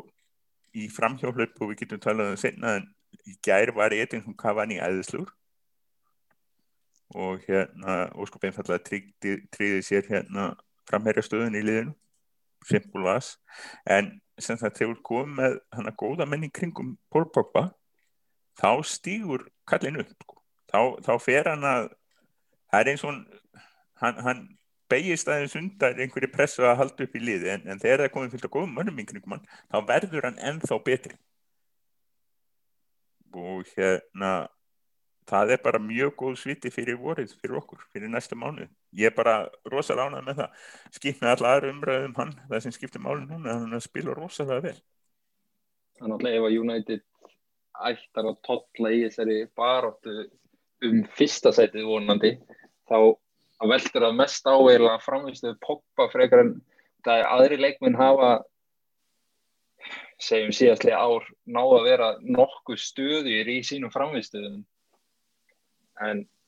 nema kannski Martial tekur náttúrulega dippið eftir COVID en Pogba hefur verið mikið upp og niður þannig að svo lengi sem hann næst að vera á rétt, já, vera, vera góður fram á, fram á enda tímabilið ekki bara sömar, fram á sömar þá, þá mitt ég það alveg þannig að við verðum alveg að bítast um þetta svo lengi sem að City og Liverpool fari í ekki og sama raun og þau hafa gert síðustu tvö tíum að Liverpool hefur alltaf gert það síðustu tvö tíum City gera tvö tíum þar á endan þannig að Já, það er alltaf, þegar þetta, þetta er, þessum árið og það náttúrulega er Liverpool að spila við börnlega og ef, ef það er alltaf að byrja rönni þá er það ekkert að flýta sér ómikið því að það er núna 88 mínútur og staðan er 1-0 fyrir börnlega á Anfield. Af þessum, tveim leikjum hjá Liverpool ég það er ekki búið að segja. Ef þetta var dingsmaki, þá skaldu sofa löst í nótt. Ég ætla að býða með þennan hún vil að leikum er búinn en sko, hérna ef hérna ef hérna ég held að ef, ef þessi lið er það vikum fyrir hvað ég segi hvað, hvað gerist, ég, ef ég, ég hef eitthvað völd þá hafa þau ekki verið að nýtast mjög vel í gegnum árin þannig að það, það mun bara vera telulur eða þá bara en allavega hérna Haldur hérna Adidas voru setja stað stóra auðlýsingu núna í vikunni. Það sem að fólk eins og David Beckham og fleiri komu við sögu og hérna segja okkur aðeins frá því hérna hvað, hvað við verðum að auðlýsa Þetta er nefnilega, þetta er æsið spennandi það er að koma hérna nýjir uh, litir á, á helstu skónum þeirra og þeir kikkuð því aldeilis vel í, af stað með hérna rándýri auðlýsingu þar sem að meistari David Beckham ringir í alla vinið sína sem eru af dýrari gerðinni og, og hérna, Pogba og, og Katie Selem og Zidane og Patrick Mahomes af einhverjum ástæðum droppaði inn í þetta myndsýmdal hjá honum. Og þeir voru kyn, kynna nýja Predator og hérna, Paul Pogba náttúrulega vaktist mikla aðtegli á æfingum og þessum í þessum skóm og, og, og notaði svo tækifæri og skoraði þetta glæsilega sigumark í þessum skóm einmitt sko. Bara eh, hefði, ég meina, ég, ég held að hann hefði átt skilið að fá hérna auka tjekka frá Adidas bara fyrir þessa auglýsingu. Hérna, þetta er, þetta er líka hörku flotti skór með einhver svona svona, hælling kemur svona hæra upp það sem er nú sennilega ekki eitthvað nýtt en ég er ekki búin að taka eftir í áður en hérna, helviti flott og hérna, þetta er svona blátt með einhver svona gulu svona, svona doppum og, og hérna þeir verða nú svipaðir svona, eh, hvað er, X-Ghosted og Nemesis sem eru svona, þetta er einhver svona neongult með bláu í eða blátt með neongul í þetta er bara þetta er helviti flott, ég mæla alveg með að fólk kíkja á þetta, þetta sérst kemur í, í búður hérna á Íslandi uh, eða í sölu á, á, á sam, sama tíma og, og það kemur í sölu elendis og það er þá þriðjudaginn 27. janúar þetta, þetta, nei 27. janúar segi ég. Þetta, hérna, þetta, þessi skilabóð fengum við frá vinnum okkar í Adidas og Íslandi og hérna, komum þeim að sjálfsögðu áfram. Já, endilega hana, og er ekki hana, út, er útsalega ennþá í gangi? Já, ég, það er einu nú klárast, ætlaði að klárast nú ekki áður en að hérna, nýju lititin koma, ég, það þarf að hérna, rýma til fyrir, fyrir sendinguna þegar nýju lititin koma og ég, ég býst við að sé eitthvað, eitthvað en þá útsölu sem að eru hægt að gera góð kaup en hérna, kíkja bara inn á, inn á Jóa Úterja og, og, músík og, og, og sport og, hérna, og adidas.is og hérna, sjá hvað er í búið þar. endilega, endilega. Það það er náttúrulega, það er ennþá COVID. Ný, nýt, endilega nýta netverslanir en verði endilega að fara á staðinn þá muna bara eftir þó sem hendunar, spritta og grímur allt þetta. Við hérna, Já, já, re- reynum að svona, klára þetta saman. En hérna en ég kannski hérna svo skellum okkur kannski í svona, svona auka umræðafni þáttarinn sem, sem tengist ekki leikjunum beint en, en ég veit að þarna að það eru einhver, örglega einhverjir af okkur sem eru hérna kannski með ólíka skoðun þegar það kemur að þessu. Að Vein Rúni er hættur að spila fótbolta. Menn meina að Ég, hann ég er ekki hættur að spila Þetta er fyrir löngu Ég held að engi sem er ólíka skoðun á því samt að það sé hættur að spila. Nei, nei, nei, nei. Ég, hérna, ég, ég, kannski fæ klársætinguna en, en, hérna, en, en það sem að hérna, stóra debatið það hefur í kringum Rúni hefur alltaf verið er hann United legend eða ekki og hérna Já, að er hann United legend. Ég ætla bara, sko, ég hef talað meira gegn Vein Rúni. þú, þú tala meira gegn Björn en nokkur annar en auðvitað hann United legend. Hvað þetta? þú, þú, þú tala um að þú er tala gegn því að kalla Ryan Giggs United legend en Nei, ha? Þú þarf nú að finna hérna, eða, þú varst, með þú var, þarna held- vorum að velja bestu já, sko, það málið er það að það eru, Rúni er United legend en, en, en það eru 20 slíkar, sko. það er. Það er bara, og, og, hann, og hann er markahæsti leikmæður í sögu United og verður Hann það í eitthvað tíma já, já. Sko, það sem við hérna sem að töðum út á honum fyrirkefum ekki er það hvað, hvað hann talaði. Sko, það er, og þetta daður við sitt í, það er bara eins og það er. Það,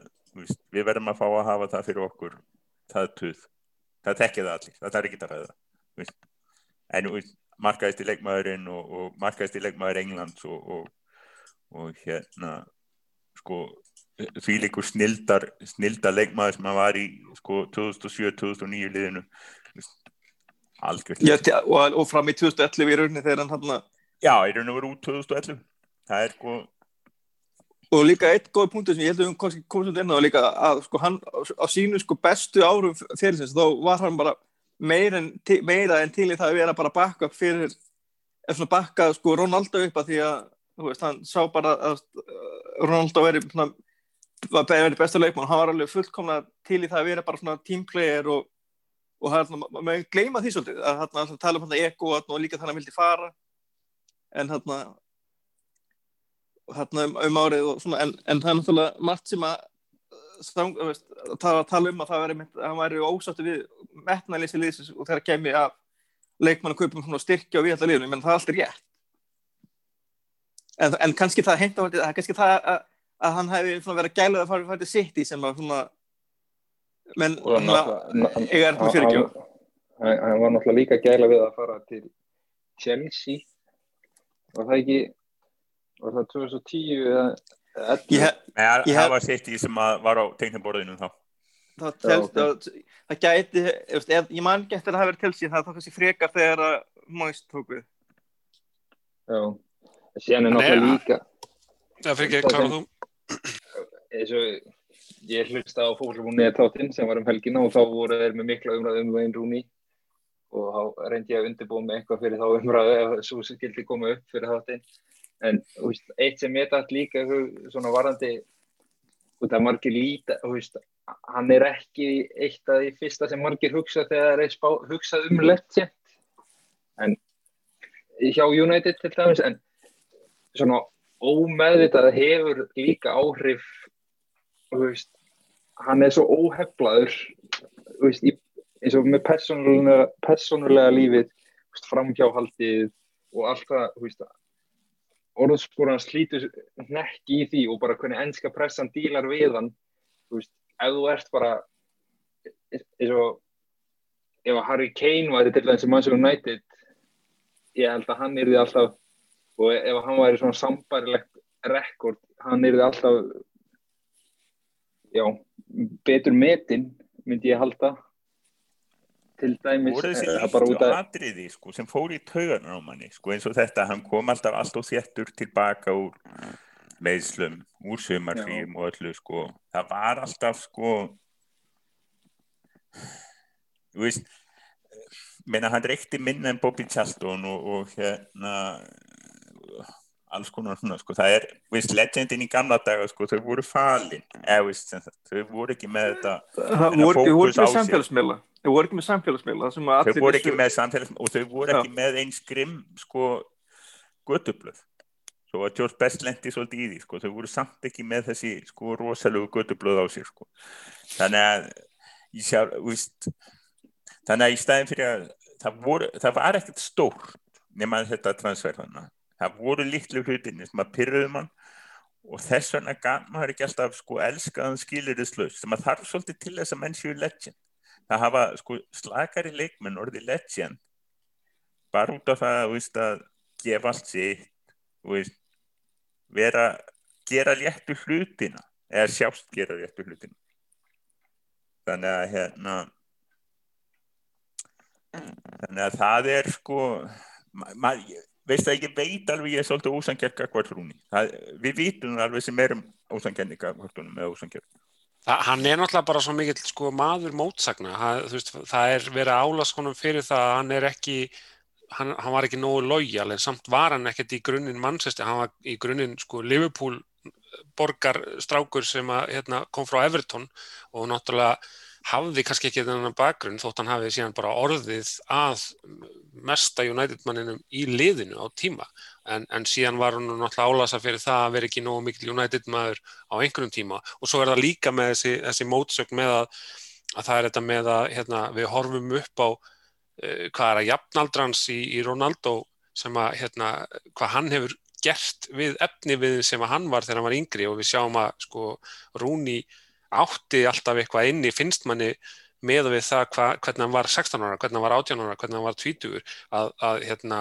og það er ekki þar með sagt að hafa ekkert orðið úr honum, þannig að hann er metafi og hann er veist, bara tölfræðin tala sínu máli. Að það er, það er þetta að veist,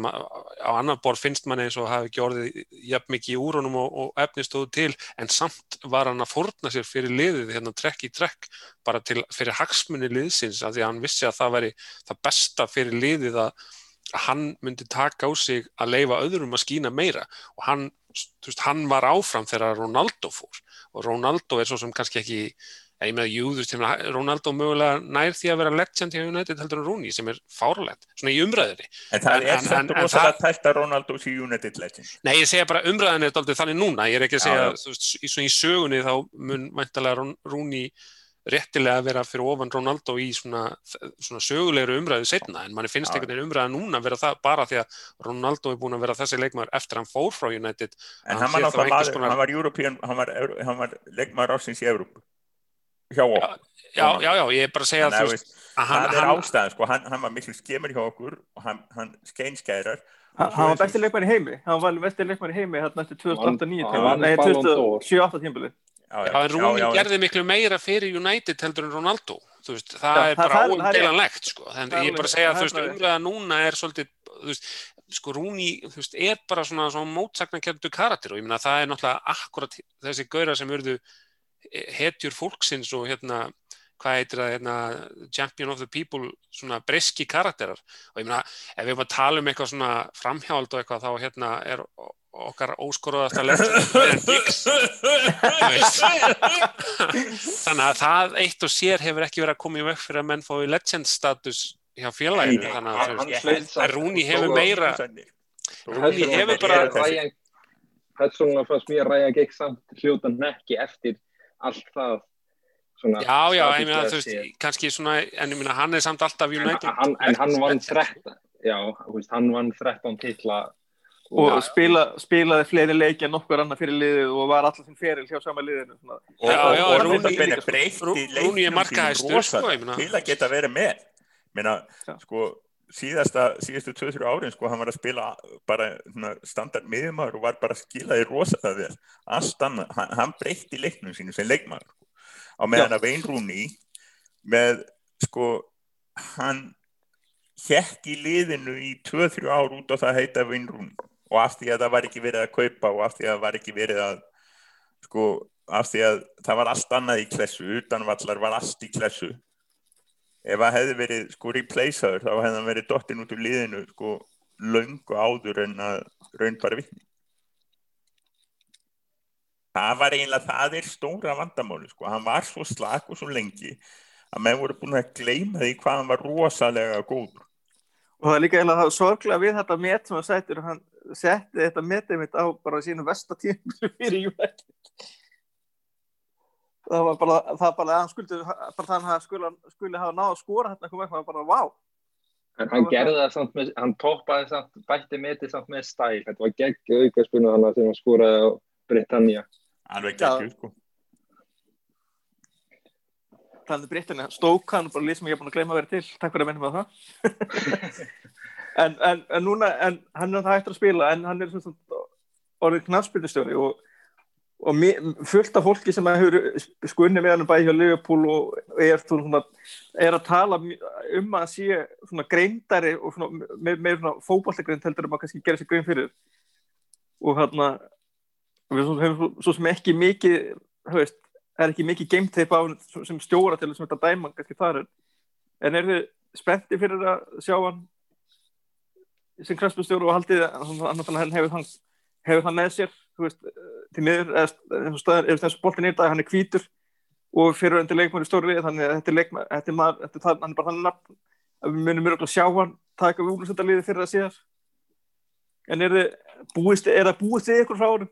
er þetta kannski ósangjöld spurning en en maður sér, er það- maður sér ekki til dæmis eins og með Steven Gerrard hann mun mjög veist, það eru alla líkur á því að hann taki við af Jürgen Klopp að Wayne Rooney muni taka við Manchester United. Maður sér það ekki alveg svona, kannski Evertón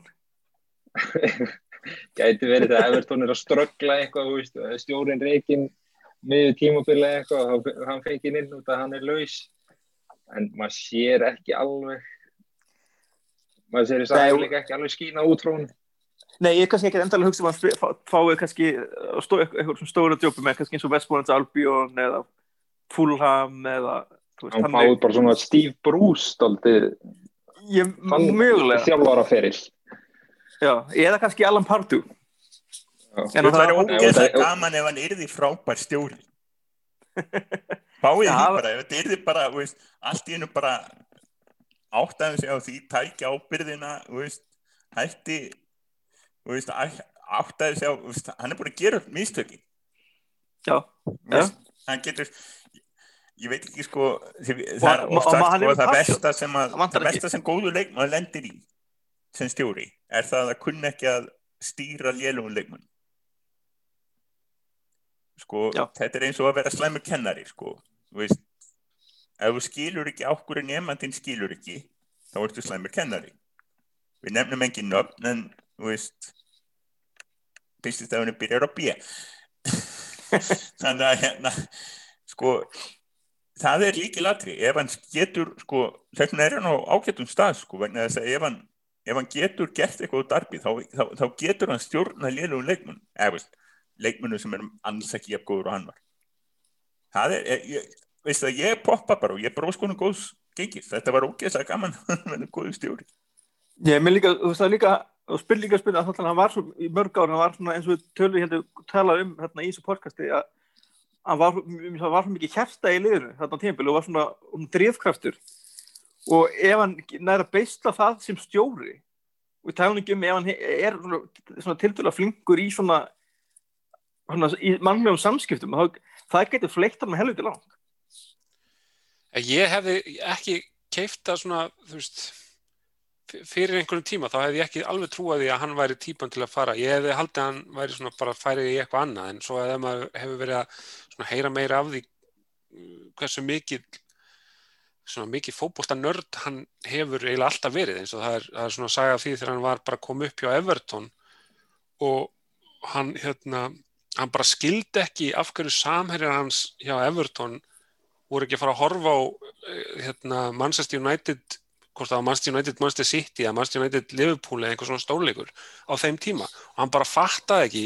af hverju einhver myndi ekki vilja horfa á einhvern svona stóran leik sem var í gangi. Og þú veist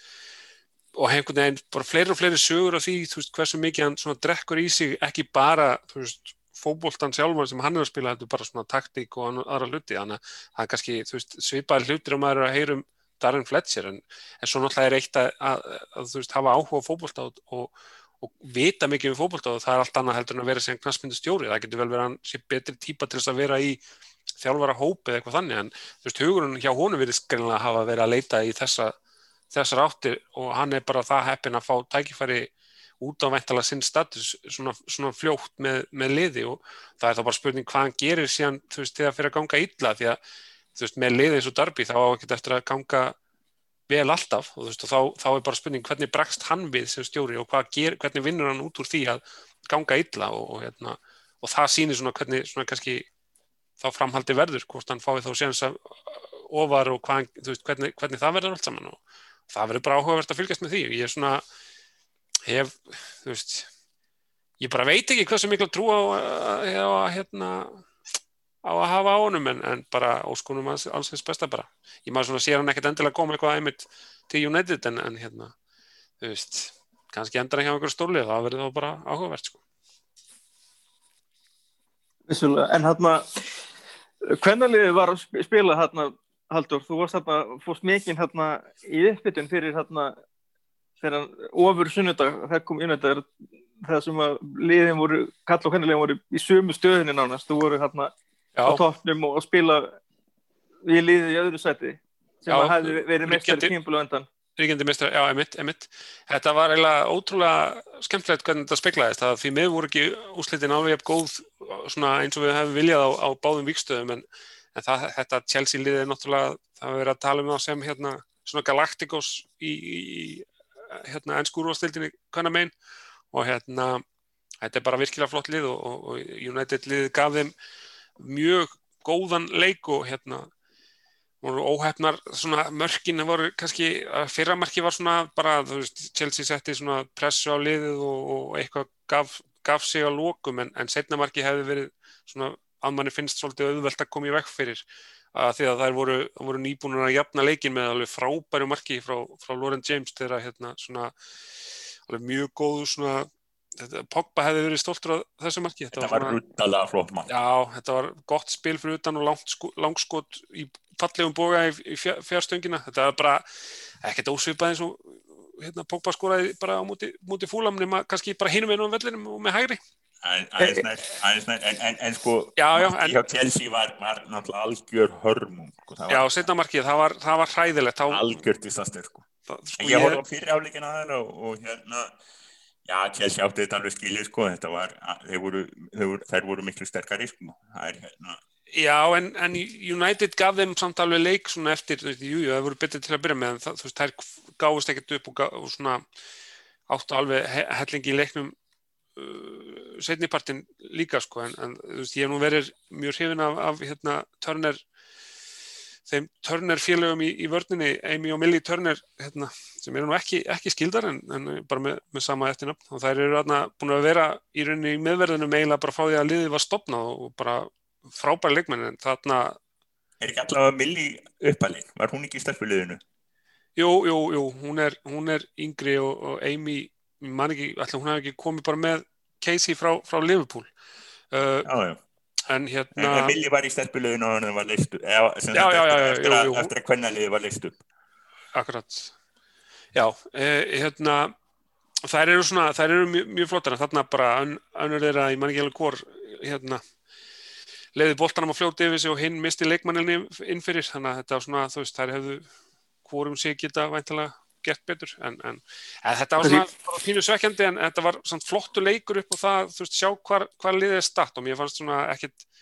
ekkit eins langt á milli þessara liða eins og, eins og kannski maður hefði haldið fyrir tímabildi til dæmis. Og það munar kannski, að, að Tobin Heath til dæmis var ekki með í, í, í leiknum sem hefur verið besti leikmaður United á tímabilinu. Þannig að hérna, það var alveg vantaði þarna svolítið, svolítið svona mikið í, í, í sóknarleikin en, en, þetta bara, þú veist, Casey Stoney verðist vera bara virkilega flottur stjóri og með mjög áhugaverða taktískar pælingar og, og nú hérna flott grein eftir Michael Cox, hann að Sónal Marking snillingin hérna á Athletic um bara þennan leik og hvernig hvernig United mætti með uh, hva- hvað sagði hann hérna effektífustu hápressu deildarinnar á móti Chelsea og Chelsea þurfti bara á öllu sínu, öllum sínum styrkleikum að, að halda til þess að að vinna á henni. Og, hérna, og það, það tókst en það, veist þeir, þurftu að að hafa fyrir því. Og það, ég meina, Arsenal gerir jafntefli þannig að United heldur í rauninu öðru sætinu. Og, og, og bara, þú veist, bara fínt að halda áfram og ná að tryggja meistradeldasætið og halda sér áfram að byggja því. frábært, og það er bara, hérna, þetta er rosalega spennandi lið og það verður mjög frábært að sjá hva- hérna, hva, hva, hvort það verður eitthvað breytingar hérna, sem úr, en hérna, þær eru þessar hérna, tvær bandar, sko, þær eru á láni, það ekki, þær eru ekki, eða, eða ekki rétt sem er, Uh, það komum bara lánsamning, þær eru ekki, það voru ekki keiftar. já, jú, ætla að sé ekki bara, Það er á skamtíma samning og það er, það er rosalega lítið um langtíma samning í kvennabóltanum. Það er yfirleitt, það er yfirleitt bara tveggjára samningar í mesta lagi þannig að ég held að sko ef það er koma það eru eins á samningi sko. Sérstaklega hjá Bandaríkja að þeim sem koma frá Bandaríkjunum þær eru ekki að staldra mjög lengi við í, á, í Evrópu þannig að og, og, núna sko þetta eru, það kom hérna það kom einar fimm yfir í haust sko, það var eiginlega bara COVID sko tengt, þess að bandaríski boltinn lág niður í. Já, þær eru á eins á samning, ekki lánssamning beint, sko, en þú veist, Nei. þetta, svo bara, Einmitt. en ég meina, vonandi verður bara framlengt við þær og, hérna, þú veist, Ég það, meina, þetta, þetta styrkir rosa mikið ennska boltan að fá bæði þessa, þessar uh, bandarísku og líka fá hérna, pennilega harderir og þessar bara svona úr Evrópuboltanum sko, að þú veist, fá bara alvöru nöfn í deildina, það er, það er bara frábært sko. En svo er hérna, einn leikmar hérna sem fór frá liðinu bara núna í vikunni hérna, hérna hinn sænska Lotte Ókvist fór til hvað Gautaborgar er það ekki? Jú, jú, Þannig Já, hún var svona, hún var, búin, hún var alveg eitthvað búin að spila en, en ég, ég held þetta, það hljómaði svona á eins og þetta hefði verið bara henni hefði verið leift að fara heim, svona hvort það hafi verið Já. eitthvað COVID-tengt eða eitthvað, ég held að hún hafi nú ekkert verið eitthvað að standa sig illa eða, eða neitt Nei. þannig, ég held að þetta hafi verið bara leifin að fara, sko, þannig laga. Já, maður bjóst við eitthvað með myndi hérna, mér fannst þess að hún hefði verið að spila en hún er ekkert búin að þessi nýbili, hún er bara allar búin að spila. Nei, nei, ég, bara ekki vissum hvort að hún hafi í einhverju meðslum eða veikindum eða eitthvað, en, en hérna, kannski bara komst hún ekki í liðið, þetta er náttúrulega mikil og, og með þrjáleiki fyrra í deild og þrjáleiki núna þannig að hún er greinilega ekki Já. bara í liði. En hérna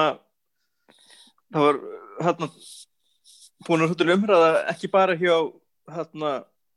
United heldur hérna hjá fleiri stjórum hérna Solskjær sem að er, er ekki ánað með hvernig línverður er, að- er að standa sig hérna á tíðanbylnu hérna haldur af hverju er það? Já, þetta var, vorum við ekki að tala um þetta um daginn, þetta, þetta, þetta, þetta tendens að hérna, leifa sóknum að klárast og flagga síðan og þeir eru með sig að veist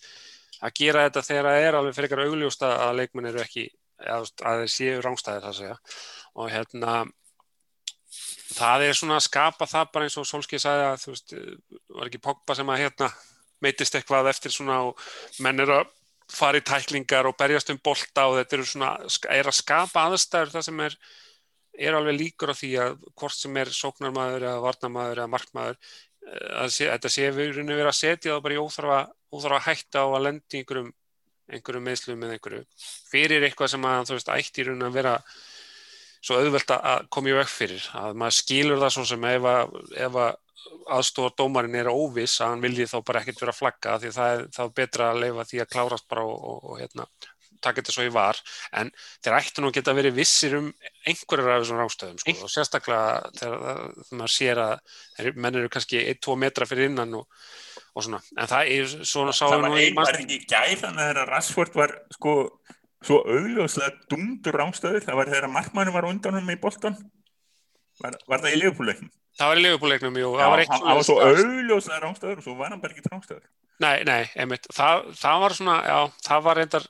áhugavert dæmið. Það, það svo sem kom ekki að söka því að, hérna, hann hefði ekki náð bóltanum en, en, en, en þetta var einmitt, sko, maður bara sáðu þetta, já, þetta er rángstöður, maður nefnir mæn, maður flakkaði. Já, já, já. Það, var bara ekki rángstöður, sko.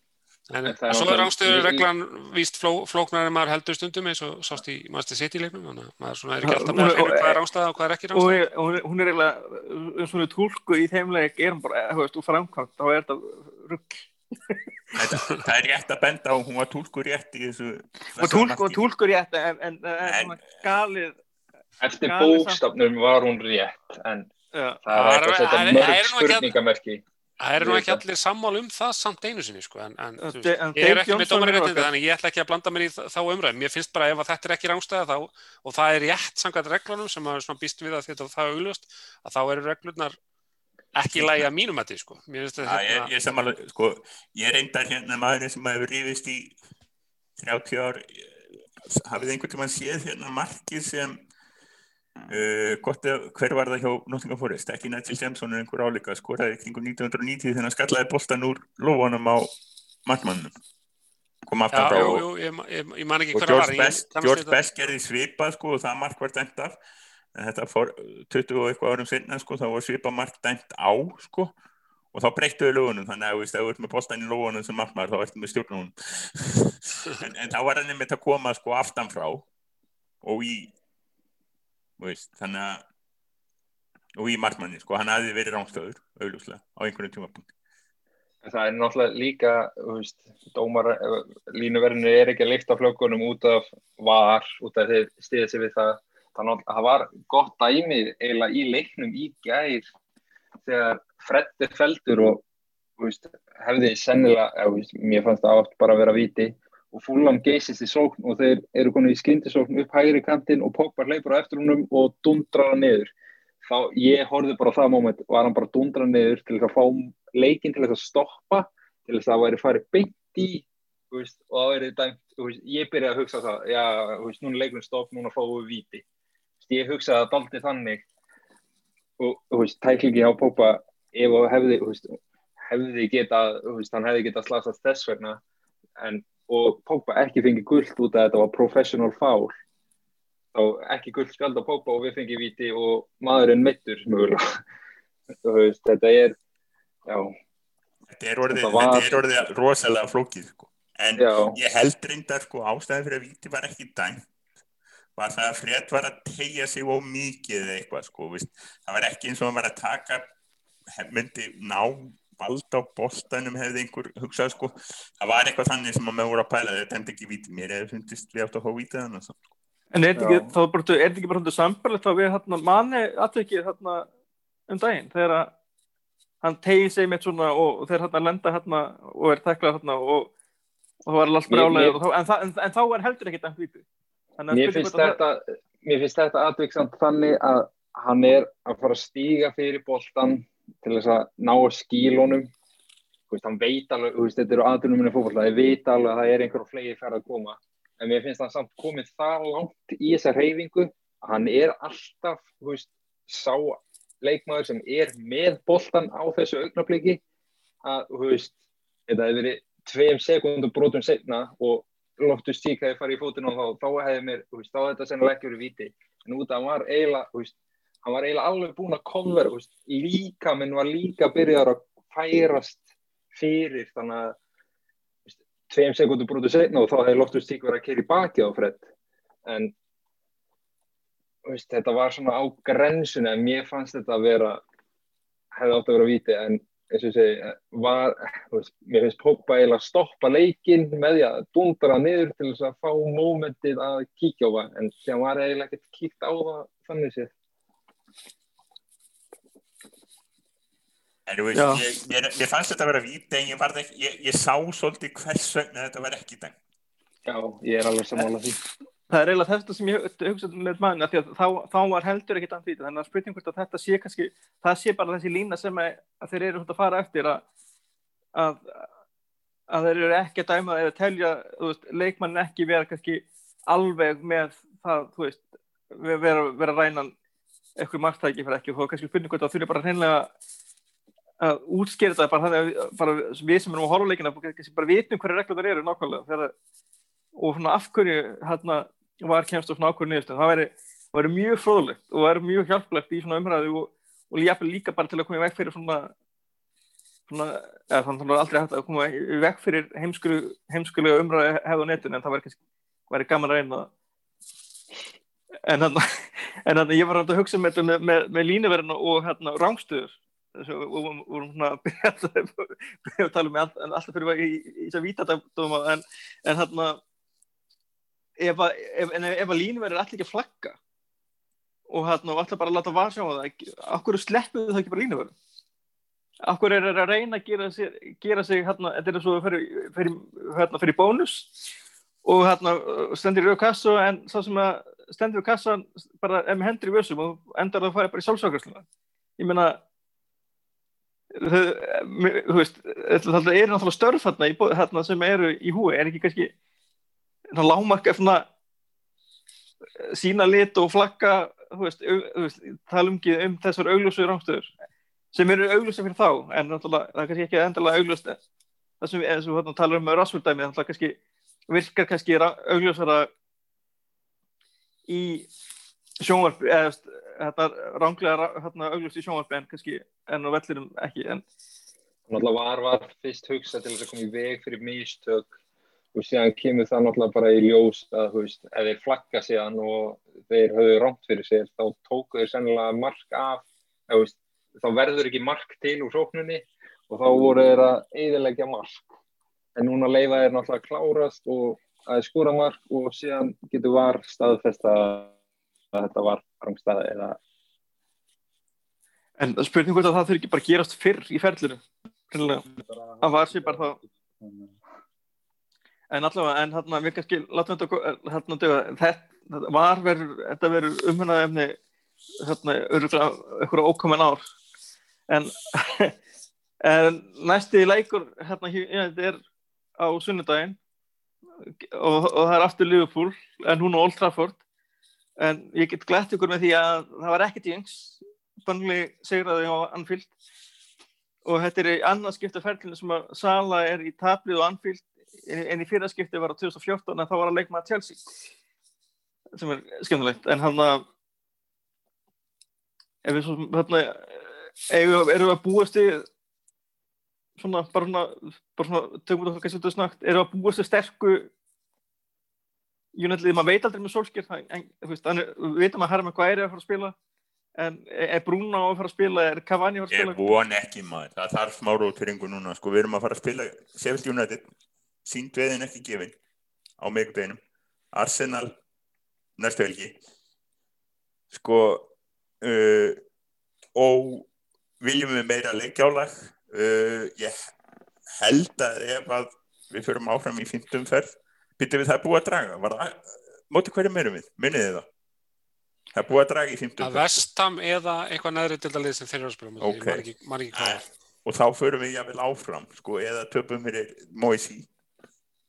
og hérna vil, sko, fymtaumferðin er held ég sett á deildar umferð held ég. Og þá erum við að tala um frestanir þannig að ég vil bara fyrir okkur sem vilja láta okkur dreyma um þann stóra þá viljum við ég læt við dreyma. þessa- ég, ég, ég veit að sitt í vinnur en ég er svona sko eftir kvöldið. Þá er ég fann að fyrir- leifa mér að, að sko segja að við eigum að leggja áherslu á dildina í þetta skiptið. Fyrir okkur draumóramenn þá viljum við náttúrulega losna úr þessari keppni þá sem fyrst. Já. þannig sé Ég- Ég það bara í það minnst að leifa þá bara leifa, leifa bara, þú veist, einhverjum þetta útvitt og þrýr og svona og einhvern efnilegum og spila bara En og það, það þarf ekki einu sinni sko, þetta verður bara rútinning, þetta verður svona Donny van der Beek, á- Beek á- í staðin fyrir Bruno og, til Matip að gleyðja hollendinga. Þá Ha. þá verður vandi bí- til að gleyðja alla hollendinga þá verður vandi bík öruglega og Er, eru, eru svona hollendingar ekkert maður glaðir? Er Það er kannski, eh, þeir eru, Þeir eru að þeir eru ná að sammála rífast þeim. við um hennar, sko, það er náttúrulega ein, eitt af vandamálinu hjá hollendingum, sko, þetta er yfir, yfirleitt sko frekar klári strákar í fótboltanum, sko, og skoðanaríki, þetta er einum ástæðinu fyrir sko öll hérna landslið Hollands fyrir og síðar hafa verið með minnst sko þrjá ár hérna faksjónir, sko og mismunandi sko allir sko leikmenn með, með skoðanum hvernig liðið er að spila yfirleitt öðruvísin stjórin Það- þannig að þetta er yfirleitt sko frekar klári strákar sko sem hafa minni fyrir neðan nefi þannig að þetta er, þeir eru ekki þeir láta heil í sér þannig að já þeir eru ánæður eða nári og svolítið en, en allavega Donny van de Beek spilar og Greenwood spilar aftur, jável Dan Juan James Mata spilar já, það er náttúrulega verst að þetta, er ekki- þetta er ekki á Hvanfield þannig að hérna það er reyndar, reyndar. En Og hérna, já, kannski- hann mat á, hann mat á hæri kantinn, endilega. Um, Eitthvað fleira, Ponsepe og, og Diallo og Já. Bekkin bara ganni. Já, já, verður- þetta takk. verður smá, þetta verður smá hangover eftir síðustu helgi Já, ég held að Liverpool komi, sko, ég horfði á fyrirháleikin eða svona og, og, hérna, ég held að Liverpool verði nú bara svolítið vangbrótið eftir hennar í kvöld, sko. Það var bara spurning hvort þið koma bandbrjálaði tilbaka með heilt lið eða hvað. Þannig að hérna, sko, hve- hvernig er eitthvað spörs? Er það, Uh, Þarna, hver er það? Leopold? já, þeir eru að spörs á, á fimmtudaginn. Það er bara leikurinn á eftir. Það er bara leikurinn á eftir, sko. þeir eru indar á samt. Svo, svo er, er stutt í að þeir eru í City líka í dildinni. Það er heldur eitthvað 7. 8. februar. Það er líka að spyrja þessi, spyrja þessi af, af hverju Klopp var að kvíla svona mikið í leiknum í kvöld. Uh, Henderson, Sala, Firmino, enginn af þeim byrjar til dæmis. En þeir voru, með, voru sennilega með svona sterku mögulegustu vörn samt, í svona leik. Já. Það dýr ekki til á móti börnleik. Nei, og voru þannig. aftur með, ég held að þessi Shakiri í tilnum hann að miðinu sé bara alg enga að að ganga upp hjá hann um greinu. En hann, hann, hann verður að rótira, hann náttúrulega, með hvernig hann vill spila, hann náttúrulega, það er hreinlega spurning hvort að sé bara hreinlega að lenda á þessum vegg sem að Dortmund lendi á. Og maður höfum talað um áður og gæ- gætum séð gerast. Talum ekki um í þessu leikjálega, er náttúrulega ólíkt Dortmund og þá er er ekki vetrafrí hérna, hérna í úrvarsleitin eins og í búndislíkunni. Og, og það hann að síður er, er, sko, er neitt frí núna þetta, þennan veturinn sko. en vandamáli hjá Liverpool er náttúrulega bara það að þeir eru með rosalega þunnan hóp. Þeir eru með þetta frábær 11 mannalið sem bara alveg um gríns frábært og hérna, eins og ég nefndi áðan sko, þeir eru með Diego Jota. Jota? Já, Jota. Uh, hérna þeir eru með Jota og sko svo, svo eru núna þrýr hafsenda mitt í hennum eða tveir og, og þá eru bara komin tveir bestu miðmennir komin aftast í, í hafsendana. Þetta er svolítið sko þetta er svo En- þengjum og, og hvernig er spila? Þessi rosalega álag. Sko þeir, þeir það hefur verið kraftaverk. Eða einhver það önnur fin- mannanaverk hugsanlega að vera í að því. Ég veit ekki það ég, hérna, ég þór ekki að en allavega þeir hafa hafa allavega kunnað að koma mannum í gænni sísonið. Þannig að hérna þá sko þá hérna þá er komið vekkur núna Herðu, according to a source close to the club, því afsakið ennskunna kæru hlustendur, af, af 35 leikmönnum, þá eru 22 með asma. 63% meðaltali í Breitlandi er 12. Þetta er svolítið hátt hlutfall, finnst mér. Er þetta hjá Liverpool? Þetta er hjá Liverpool. Ég segi ekki meir um það, en það veit ég ekkert um asma.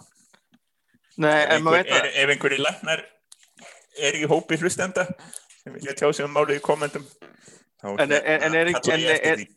En er ekki einmitt lifin við asma sem að hjálpa þér að endast lengur og, og meir úttal? ef einhverju læknar er að hlusta á þetta þá er kalla ég eftir þeim í kommentum Þetta er, þetta er enda fáralega góð punktur. Ætli, ætli sé, hvað þetta hlutalli sé hjá að segja en eitthvað? það er allt í lagi, þeir þekkja mann í Barcelona En, við ég, hérna, ég, ég veit ég ekkert. en, þetta, er- er samt, þetta er samt mjög, ef þetta er rétt, þá er þetta mjög grunnsálega. Ef ekki orða það þannig að ég ber bara mikla virðingu fyrir leikmennum sem að víðist í erfiðleika Já, sjálfsög. Og, og, og, og, eins og Paul Scholes. Eins og Paul Scholes. Paul Scholes. Þetta kemur bara fyrir, er En allavega, Liverpool, sko Þetta gætur svolítið feskur leikur á sundaginn, haldið það ekki? Aðeins minni pressa. Pressa á Liverpool að vinna Pressa á United að tapa Þú að við gíla fyrir sko Liverpool. Engir áhorfundur Þetta verður, þetta verður allt öruvísi leikur heldur, heldur en var á, á sundaginn var. Allt öruvísi, lofa því En, þannig, að- en það verður bara, verður bara hreinlega að koma í ljós. En, en ég held að, en er það bara svolítið konsensusin, hérna, afsikið slettuna, hérna, hjá okkur að, að, þú veist, við höfum þá auðvitað vilja vinna Liverpool, en við erum samt, minnum ekki að gráta það að vera úr þessari keppni. alls ekki en það væri gaman að vinna Já, ég, ég hugsa hans, þú veist, fara ekki alveg í eitthvað Lingard, Mata, Van de Beek, ekki, ekki alla, þú veist, þannig að ég held að þetta verði þokkala stert lið og ég held að hann muni reyna að halda momentuminu með því að vinna þennan leik, þannig að ég, ég hef ekki trú á að spila einhverju algjöru byggarliði í þessum leik, sko. Það verða einhverja breytingar, jú, en, en ég held að verða ekki það margar samt, sko. Mér finnst áhugavert að veita hvort að Henderson fá hann að leika eða hvort að Degi að fá hann. Mér finnst líklegt að Henderson fá hann. Það, það, já, sem verður spennt að sjá hann, hvernig hann, hann tæklar þennan leik sko. En hérna, já, en ég held að þetta verði bara svona eh, ekki alið, ekki bjelið, þetta er svona samt nær aliðinu, held ég. Þetta er svona, þetta er svona, svona A, ég pluss svona- svona Þetta þetta er svona A mínus, B plus. Þetta er meiri A mínus heldur en B plus. það verður bara reynilega komið ljós en hérna, en þannig ekki, ég þakka kella fyrir samveruna í þessum þætti og hérna og við hérna verðum með ykkur vonbráðar og, og með þá vonandi fleiri jákvæð úslit og, og eitthvað til að tala um en þá, geti, þá bara takk fyrir Takk fyrir Takk. Takk,